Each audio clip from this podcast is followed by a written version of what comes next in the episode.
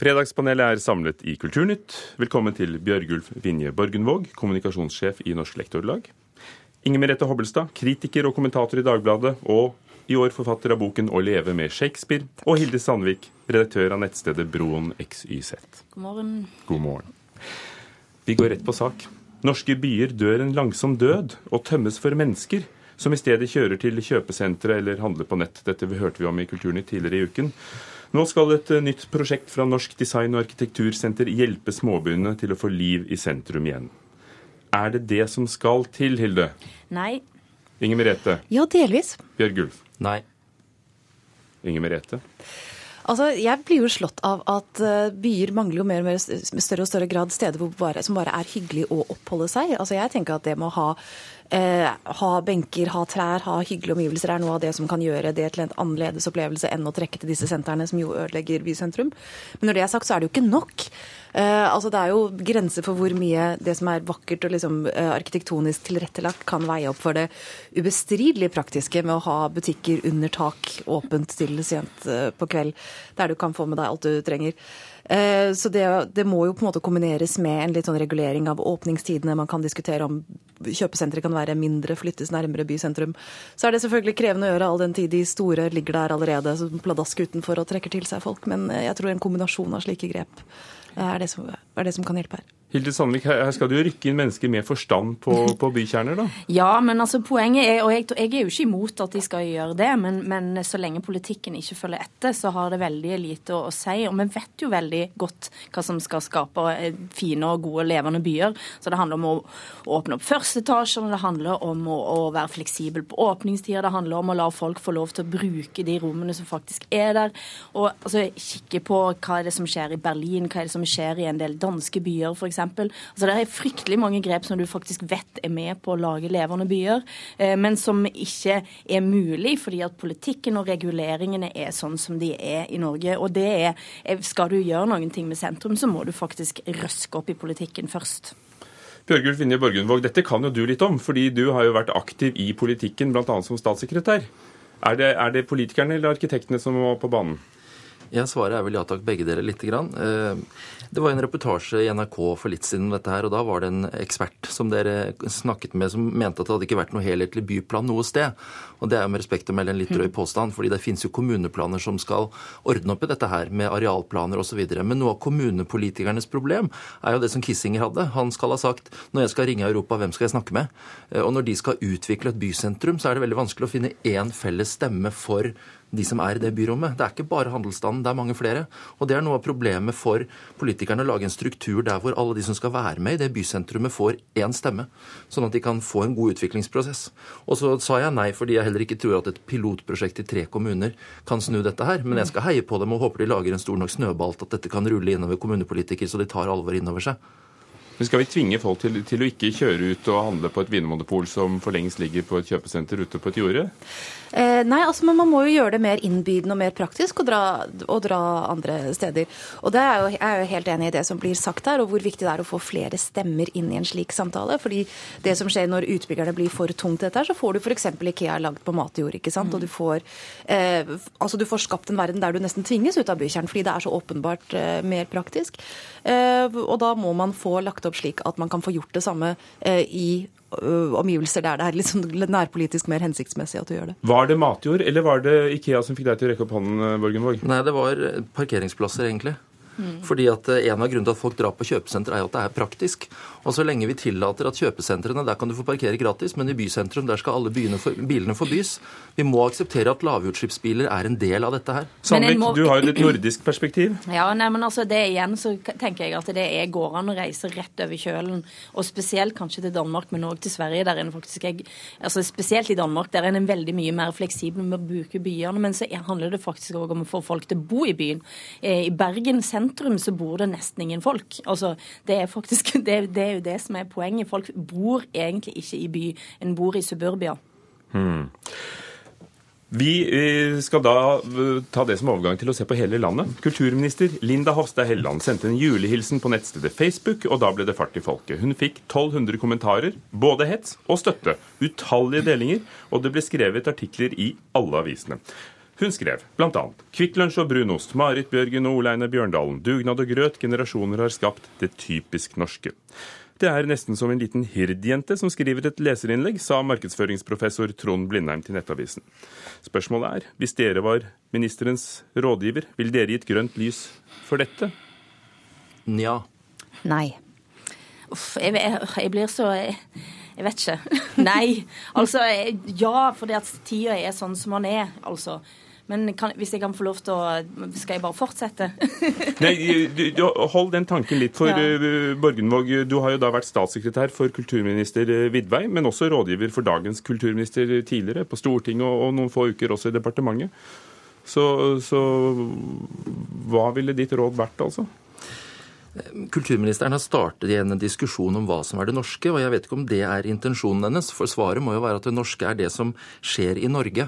Når Fargespill holder konsert i Grieghallen, så er det norsk, for de representerer det som er norsk. Norske bunader og norsk folkemusikk er skapt av internasjonale inntrykk og impulser som vi har tatt til Norge og gjort til vårt. Så norsk kultur må være det vi eh, det vi har.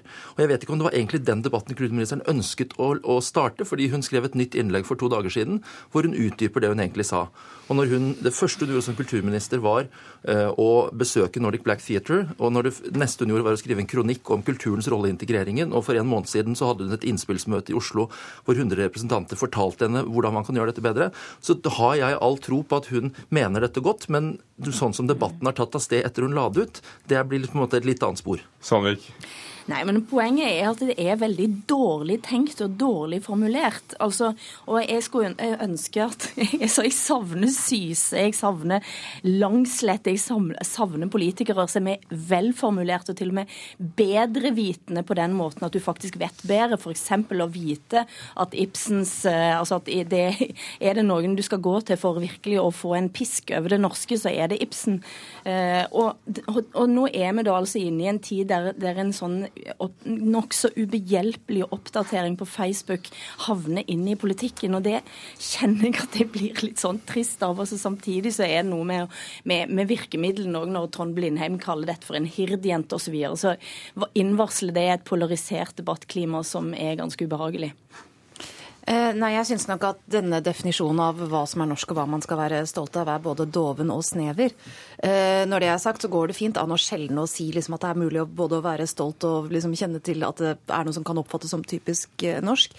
Det, altså, det er veldig gode trekk i det norske samfunnet som det er ekstremt verdt å være bevisst på og hegne om. altså Særlig i en tid som dette her, hvor den typen bevissthet kanskje eh, fordufter litt. Og det er referanser, altså du kan si om det er geitost eller kålrabistappe eller Deilig er jorden eller Henrik Ibsen. Det er greit å vite hva sånne ting er når du bor i Norge. Altså Dette er samtaletemaer, dette er sånn man vet hva som betyr når man snakker sammen, og det er noe som binder, en, binder oss sammen som folk. Men når det er sagt, denne forpliktelsen til å skulle være stolt av det, til å skulle ha visse følelser og meninger knyttet til det, eh, det på en måte innebærer å tvinge folk på geledd, på, inn på geledd på en måte jeg syns er ganske utilbørlig. Det er nok av eh, svært eh, norske mennesker som ikke deler de holdningene som kommer til uttrykk i dette Facebook, denne Facebook-oppdateringen. Er, er det noe med det private formen og det ganske private bildet fra, fra foran juletreet?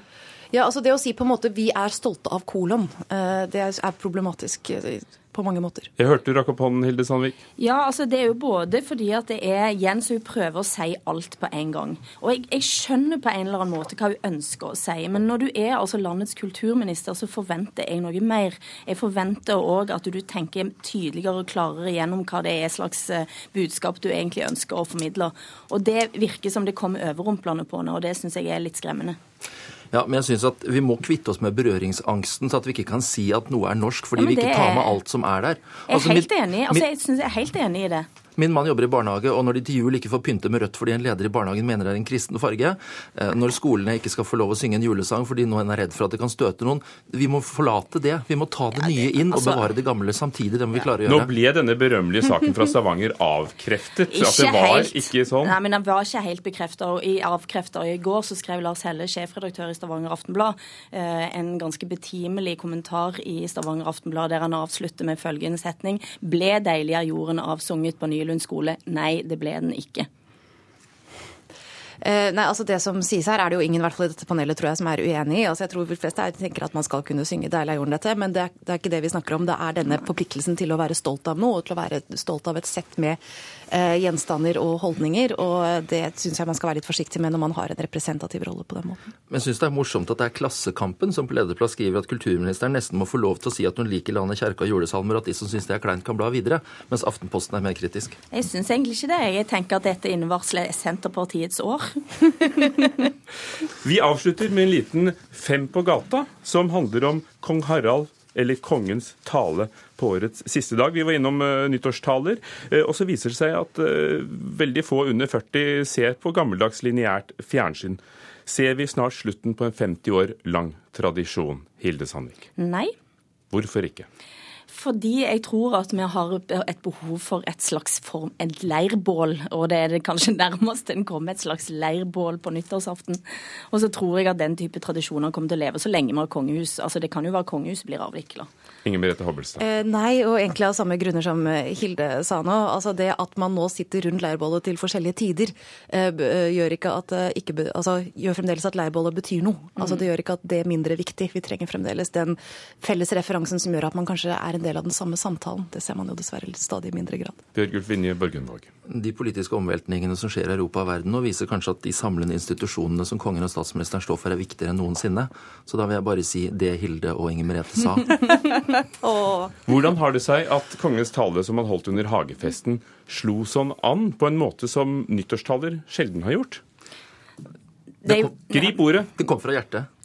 Ja, det, altså det appellerte til en eller annen slags, det appellerte til veldig mange som kan, kunne kjenne seg igjen i en av setningene. For det var jo òg veldig mange, mange, setninger der, og, og mange typer mennesker å være.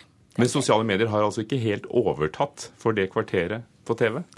Eh, altså Det overtar jo for den typen samtaler i større og større grad. og Nettopp derfor får de som er igjen, en større og større tyngde. og Kongen er jo en av de som kan være samlende fremdeles, og da er det jo fint at han er det. Siden, siden da broen eh, XYZ eh, har et nordisk perspektiv, så skal, har faktisk Bjørn Magnus Berge, som var her tidligere i dag, han har plukket de beste nordiske talene som vi skal publisere 1.1., så det kan folk glede seg til. Skal dere ha for den punchline, Hilde Sandvik, Bjørgulf Inni Borgenvåg og Inger Merete Hobbelstad. Det var Kulturnytt ved produsent Birger Kolsrud Jåsund og programleder Ugo Fermarello. Dette er Nyhetsmorgen i NRK P2.